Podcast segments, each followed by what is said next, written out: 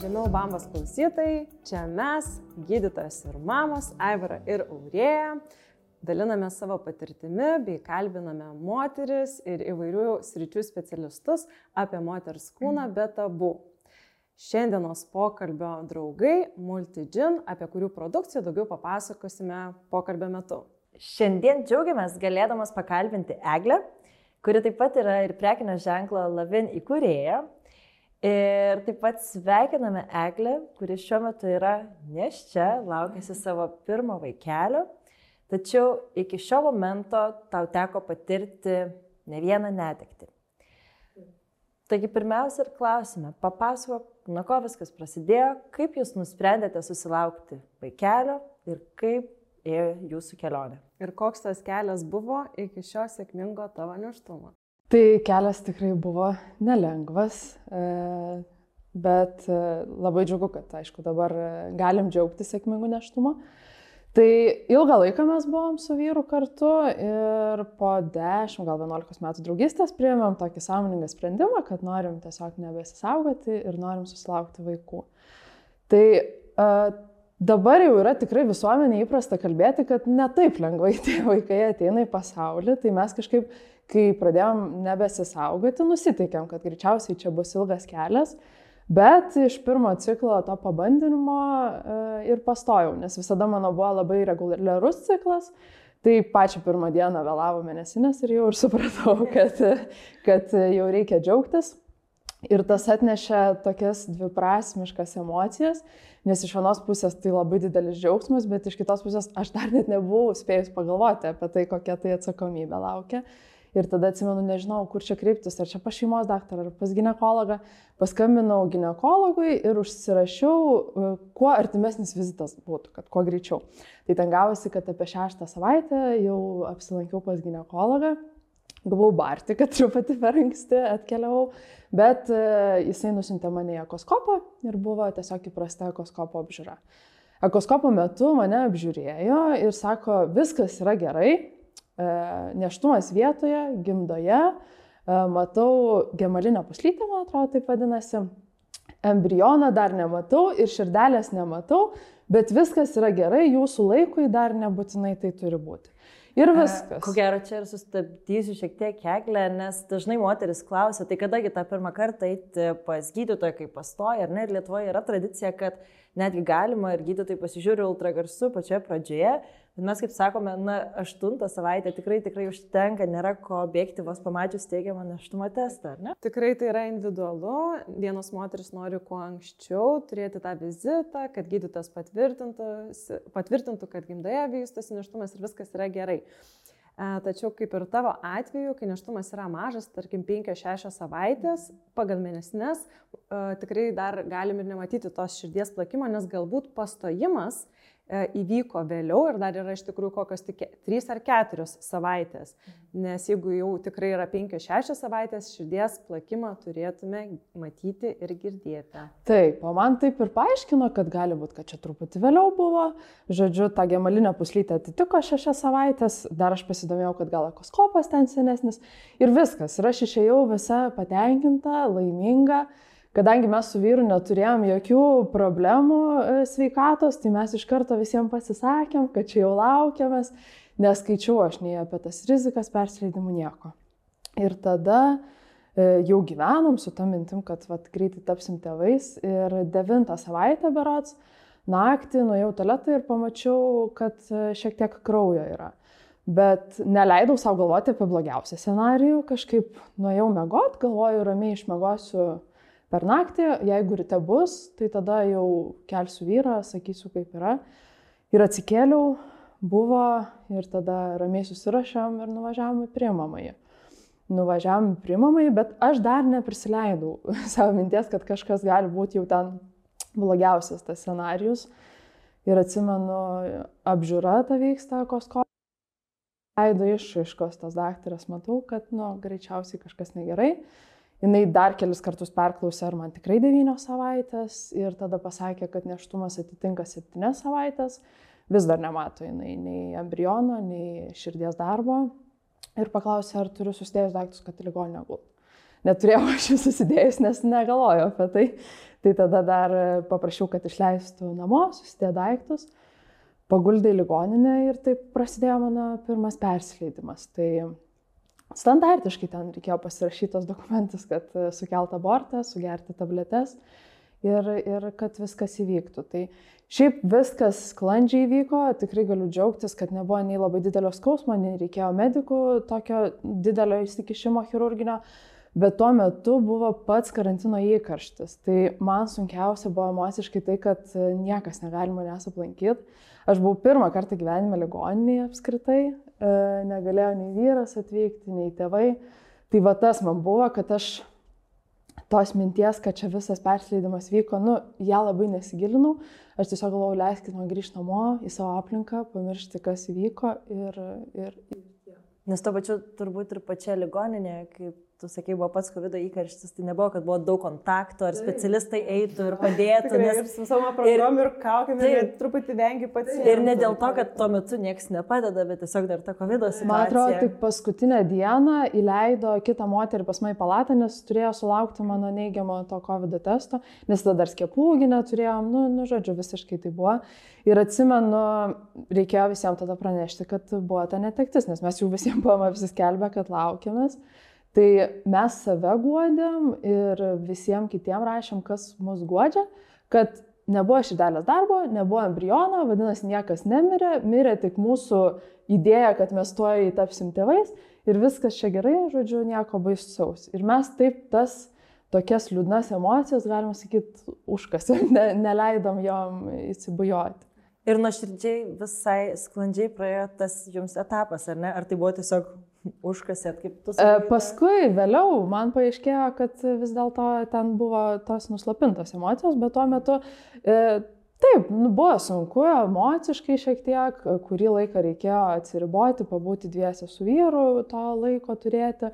Atsimenu, fiziškai labai norėjau savim pasirūpinti, tai tada pirmą kartą gyvenime pradėjau jogą daryti namuose. Niekada buvau su to nesusturus ir šiaip skeptiškai žiūrėjau aš į dvasinius visus dalykus.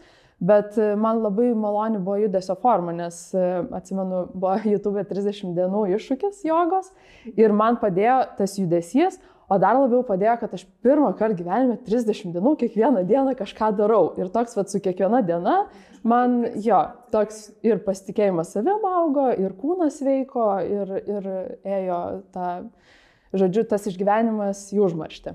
Aš dar norėjau paklausti dėl pačio persileidimo, ar gydytojai tau leido rinktis, ar pristatė, kad yra trys galimybės, kad galima laukimo taktika, kad galima konservatyviai tai vaistais sužadinti persileidimą ir galima chirurgiškai.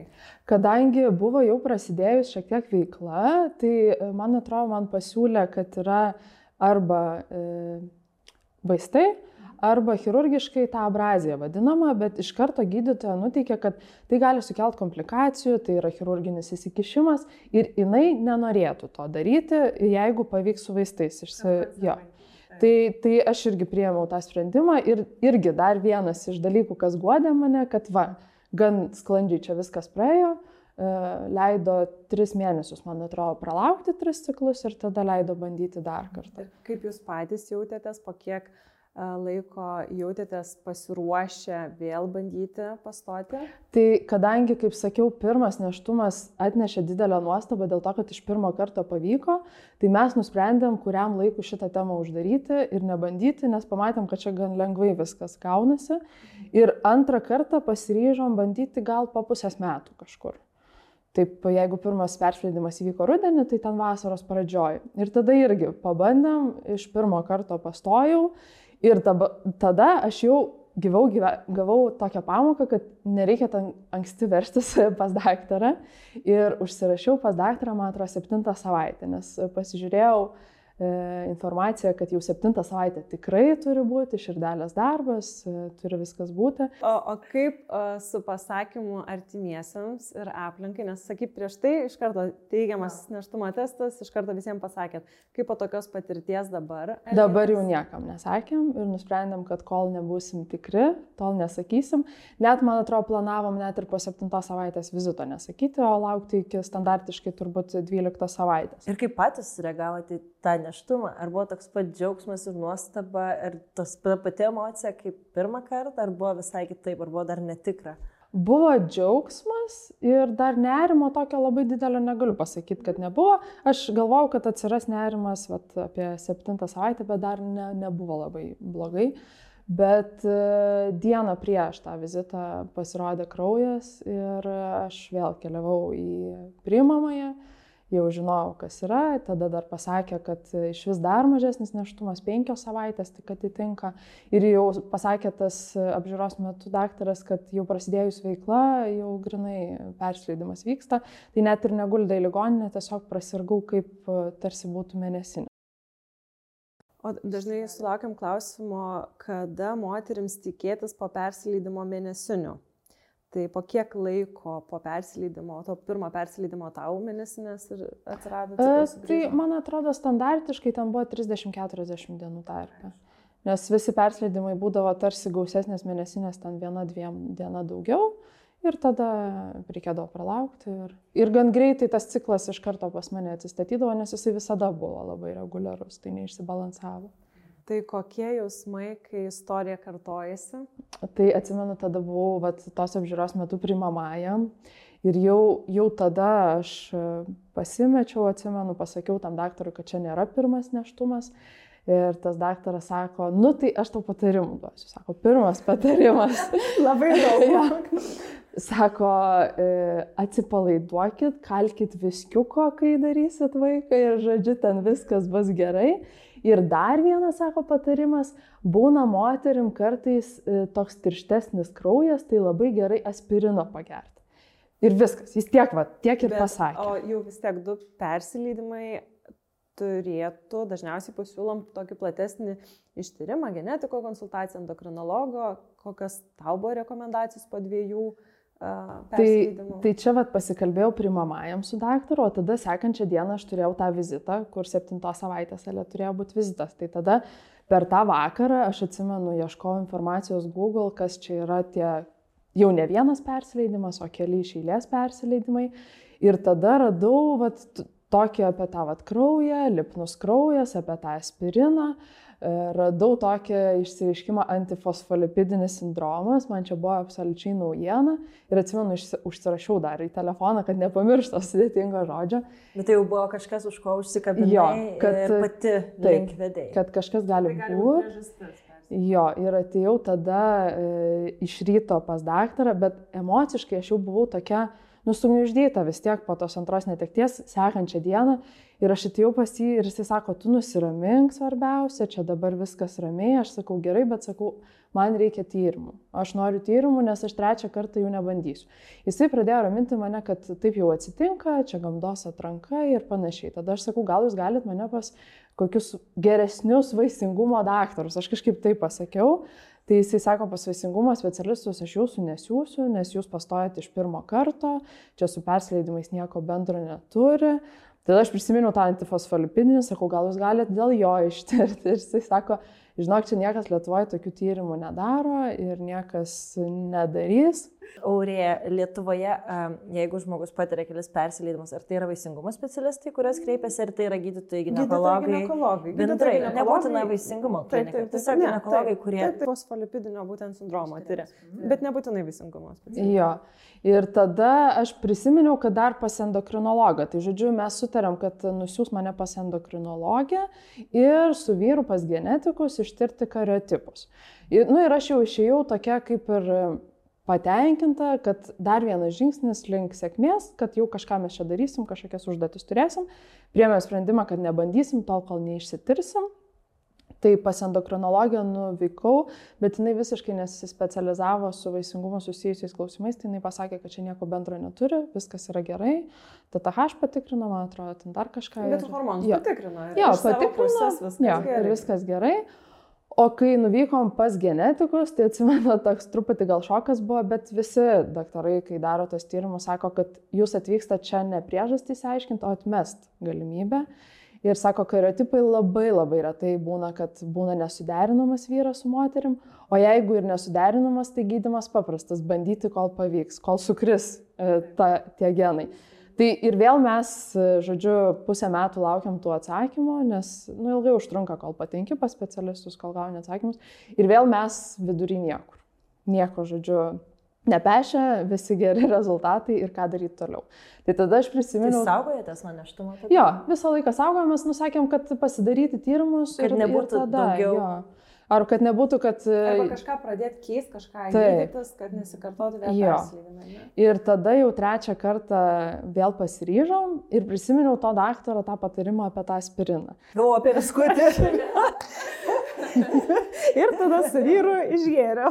Ir pasiskaičiau, e, kad iš tikrųjų kaip ir pakengti neturėčiau, vartodama mažą labai dozę aspirino, savarankiškai pradėjau ją vartoti. Vėl pastojau, vėl iš pirmo karto. Labai atsiprašau iš karto klausimas, o kaip sugalvojai, kokią dozę gerti, kada gerti? E, nu, savarankiškai. Aš tiesiog skaičiau, kad kažkaip turi būti e, maža dozė, standartinė 75 gramai, man atrodo, bet čia ne rekomendacija. Taip, čia nerekomendacija. Internetas rekomenduoja. Jo, jo, jo.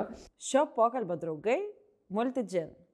Multigin siūlo visą intimios priežiūros produktų asortimentą, kurie padeda nuo bakterinės vaginozės, pienlygės ar makšties sausumo simptomų. Taip pat turi raminamąjį poveikį esant tokiems sutrikimams kaip makšties nežėjimas ar dirginimas. E, Kad prieš pastojant svarbu, ar, e, tai va, tai pradėjau jį gerti ir tada pastojau vėl ir tada jau nerimas įmė viršų visiškai. Jau aš supratau, kad aš nebesusivaldau su savo emocijom absoliučiai. Ir pasiskaičiau internete, nu viskas, vat, mano buvo skaitimas internete, formuose rinkimas informacijos, kad moteris tyriasi hormonus HCG ir progesteroną. HCG turi neštumo pradžiai dvigubėti, sparčiai aukti, o progesteronas ten turi nekristi. Kaž... I- i- Iki maždaug 10-12 savaitės Taip. auga HCG. Jo, tai aš pirmą dieną pasidariau, atsimenu, laboratorijoje privačioje. Savarankiškai. Jo, savarankiškai, viskas gerai. Tada po dviejų dienų vėl pasidariau, o padvigubėjo, viskas gerai. Tada trečią kartą vėl pasidariau, padvigubėjo, bet progesteronas nukrito. Ir aš jau viskas, jau lipu sienom, galima sakyti, iš nerimo, nežinau ką daryti ir galvoju, nu reikia paskambinti vėl tam daktarui, pas kurį aš lankiausi. E, Sakau taip ir taip, laukiuosi trečią kartą, prieš tai buvo du persileidimai, čia tyriuosi kas dvi dienas ir dar progesteronas ir krenta tas progesteronas ir jis sako, tu nusiramink. Sako, tu nestresuok, stresas gali irgi sukelti šitą persileidimą. Sako, atvyk pas mane 12 savaitę, ramiai, kaip priklauso ir apžiūrėsim. Sakau, daktarė, bet aš iki 12 savaitės mano nei vienas neštumas netempia. Sako, tu ramiai, nestresuok, visą kitą. Nu, žodžiu, sako, progesteroną aš tau neišrašysiu, nes nėra įrodytų tyrimų, kad jisai gali turėti ryšį su sėkmingu neštumu, išnešiojimu. Ir sako, pasimatysim 12 savaitę. Ir viskas. Ir aš tada žodžiu, jau kaip ir laikau neštumą savo rankose, tą kontrolę, bet jaučiu, kaip man slysta ta kontrolė iš rankų, nebesusitvarkau su emocijom ir aš prisiminiau, kad aš turiu draugę e, iš vaikystės, kuri dirba psichologiją su e, vaisingumo problemom e, turinčiam šeimomis. Ir jinai jau po pirmo persleidimo man sakė, Egle, kai tik tau reikės pagalbos, tu kreipkis. Ir aš aišku galvoju, kad nu, nereikia man pagalbos, aš kuo puikiausiai čia susitvarkau. Sunkiausia yra, ko gero, pasakyti savo, kad man iš tikrųjų reikia su kažkuo pasišnekėti, ar ne? Ir dar ypatingai tokioje situacijoje, aš kažkaip klausau iš šono ir man neįprasta, nes dažniausiai, mes, kai yra kažkokios problemos su sveikata, kreipiamės į gydytoją tos pagalbos, ar ne, bet panašu, kad tau nepavyko užmėgsti to kontakto, kurio tu pasitikėtum, nes tu tada, tu, tu nori pagalbos, tu ieškai Google, tu pati eini į vaistinę, tu per kitos testus, tu važiuoji į laboratorijas, darai privačiai, nors iš tikrųjų tai tiesiog trūko to ar ne, Taip, su gydytoju. Ir formuose ar informacijos daug yra internete ir tikrai teisingos informacijos. Vien mūsų metodikos, akušerės gynekologijos yra metodikose, e, internete. Taip, bet tu turi mokėti, jeigu, aš nežinau, neturi medicinio išsilavinimo. Neturiu, bet aš labai šiaip esu žingeidį Taip, ir bet aš moku atsirinkti Taip, bet vis tiek, žinai, net mums medikams kartais sunku būna atsirinkti ir įvertinti, ar čia tikrai geras tas mokslinis darbas ir rezultatai geri. Tai reikia mokėti, nes irgi da- dabar tavęs klausau, atrodo tikrai buvo nemažai tokios uh, savygydos, tiesiog kaip kokias rekomendacijas. Bet man atrodo labai daug ten pasineria, nes iš tiesų, ko ko gero čia manau tas kontaktas su mediku, jeigu pavyko užmėgsti, tai tu tada jau tik ir eini ir tik... O tada, klausai, jeigu kartais- tau nepavyko to kontakto po dviejų persileidimų užmėgsti, negalvojai kažkaip gal pas kitą eiti keisti gydytoją? Tai kadangi man buvo pasakyta, kad e, mes neturim problemų su vaisingumu, ir aš kai ieškodavau, atsimenu, informacijos vaisingumo problemos ir panašiai, dažniausiai tai yra apie negalėjimą pastoti. Bet nėra, nu, apie persileidimus jau dabar yra informacijos, bet niekur nerasdavau informacijos, mes pastojam iš pirmo karto, nėra problemų pastot, bet persileidžiam. Taip, nu, supratau. jo. Tokių istorijų. Taip, aišku. ir tada Dėl to aš- šiandien tave ir ką? Jo, taip, tai va, ir dėl to tada aš parašiau tai draugiai ir jinai man iš karto paneigė tą faktą. Sako, ne, vaising, vai, nevaisingumas yra negalėjimas pastoti ir arba sėkmingai išnešioti. Ir sako, taip, tu turi kreiptis ir, ir tau padės.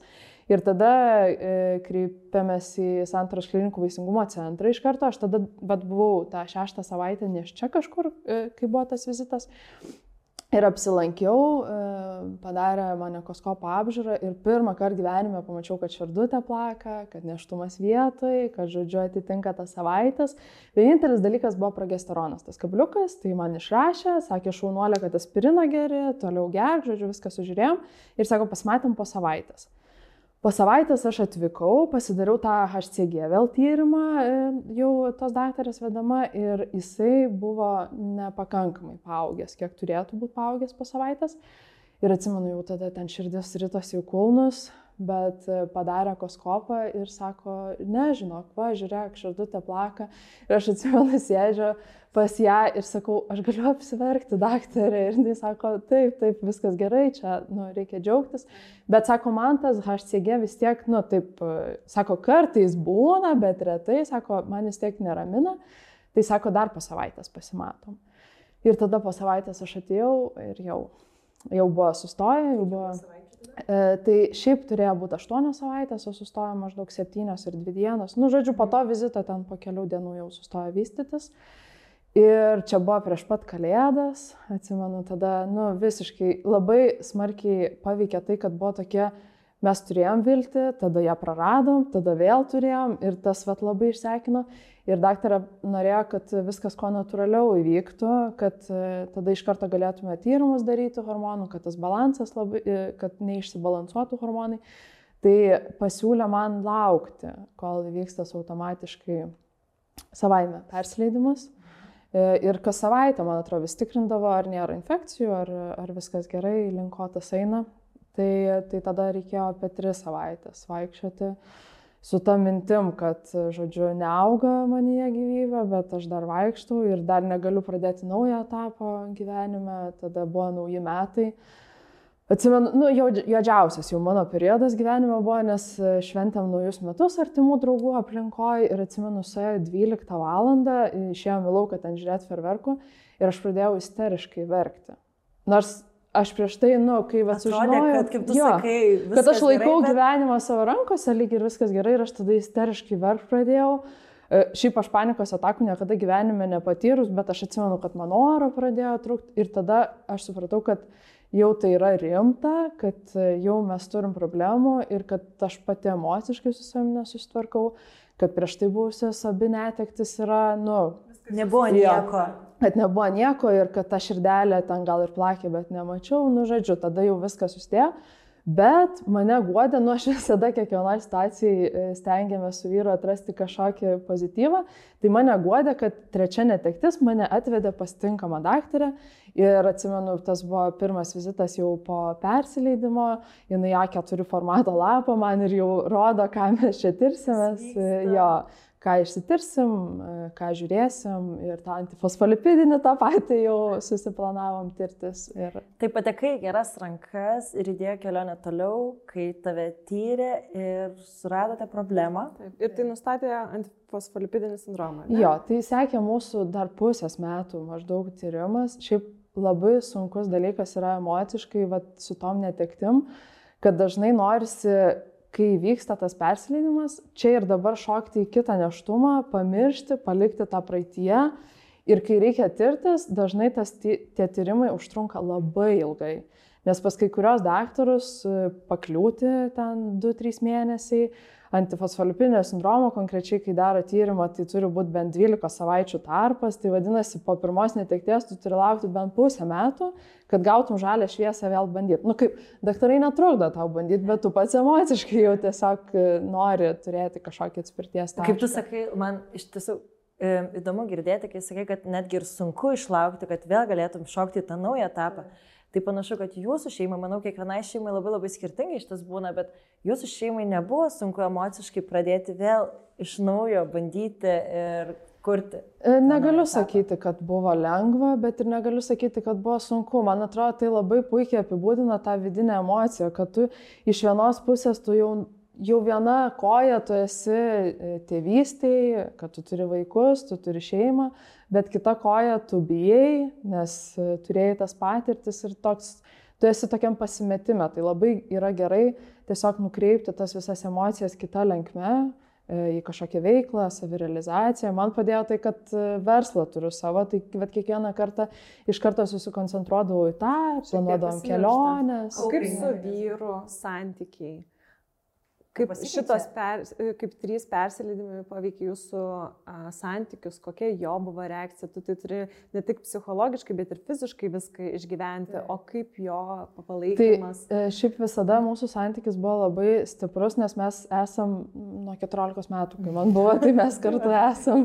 nuo, ja, nuo mokyklos laikų ir mūsų tas santykis visada nepaviršutiniškas buvo, mes visada ir atvirai kalbam ir, at, pavyzdžiui, susilaukti vaikų ne visada, manau, šeimose būna sąmoningas abiejų sprendimas, kad tu atsisėdi ir, nu, kad abu nori. Tai tas santykis buvo atviras ir būtent šitos netiktis, sakyčiau, dar labiau sustiprino, nes išmokė reikšti jausmus. Nu, kad, pavyzdžiui, aš jaučiu pyktį ar skausmą, tai aš turiu jam išreikšti, kodėl tą jaučiu.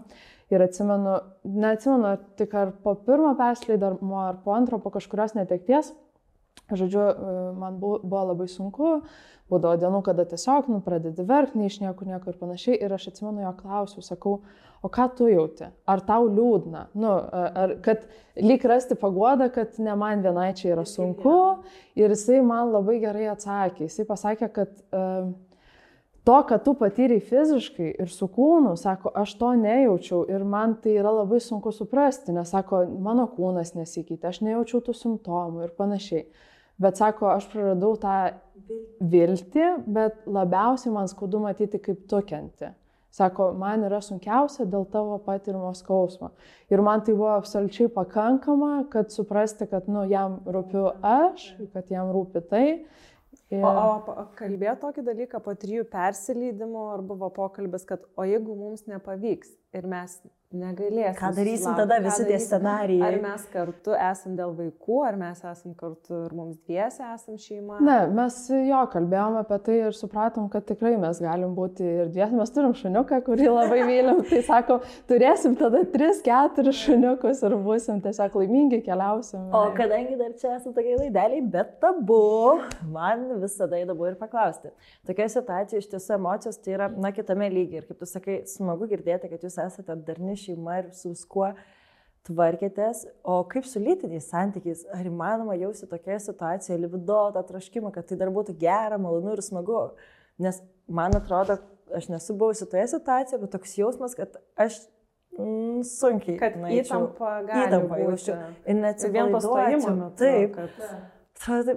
Nežinau, ar, ar aš savo kūnai to. Vienok aš džiaugiuosi, kad e, mes neturėjom problemų pastoti, nes žinau, kad tokiu atveju tada labai tampa darbas e, lytiniai santykiai. Mhm. Tai šito neturėjom, bet aš negaliu sakyti, kad turėjom kažkokių problemų iš tos pusės, kad viskas vykdavo labai natūraliai. Kai tai vykdavo, tai kurį laiką faktas tu negalvoji apie tai ir aš nejaučiu už partnerio to spaudimo, vėliau tas natūraliai sugrįžta ir, nu, nesijautė to kažkokio, kad mūsų e, požiūris į, į lytinius santykius į kūną skiriasi.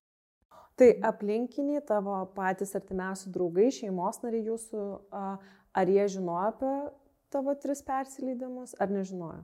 Tai apie pirmą žinojo, tada apie antrą žinojo tik keli draugai, bet artimiausiam žmonėms aš jaučiau poreikį pasakyti. Uh, E, tai buvo mano būdas apsisaugoti nuo bereikalingų e, kažkokių replikų, nors jų irgi Tai neišvengiau. norėjau kaip tik ir paklausti apie tas replikas, ar sulaukiai tokių, nes tikrai teko girdėti ir iš mūsų žemiau bambos Instagram sėkėjų pasakymai, kad tu dar jauna, jūs dar jauni, dar pavyks, arba taigi čia nieko. Arba čia, gamta, gamta taip suėdė, atranka a, natūrali. Čia tik penkios savaitės, čia daugam tai būna, bet džiaukitės, kad pastojat, ar tokie, ar tu sulaukiai kažkokių tokių replikų, gali pasidalinti, ar kaip jos ar labiau erzina, ar nieko tokio. Tokio tipo replikos, tai tuo metu man to reikėjo ir tai buvo pagoda, nu mes patys savo įsikaliam į galvą, kad jo čia gamtos atranka ir panašiai.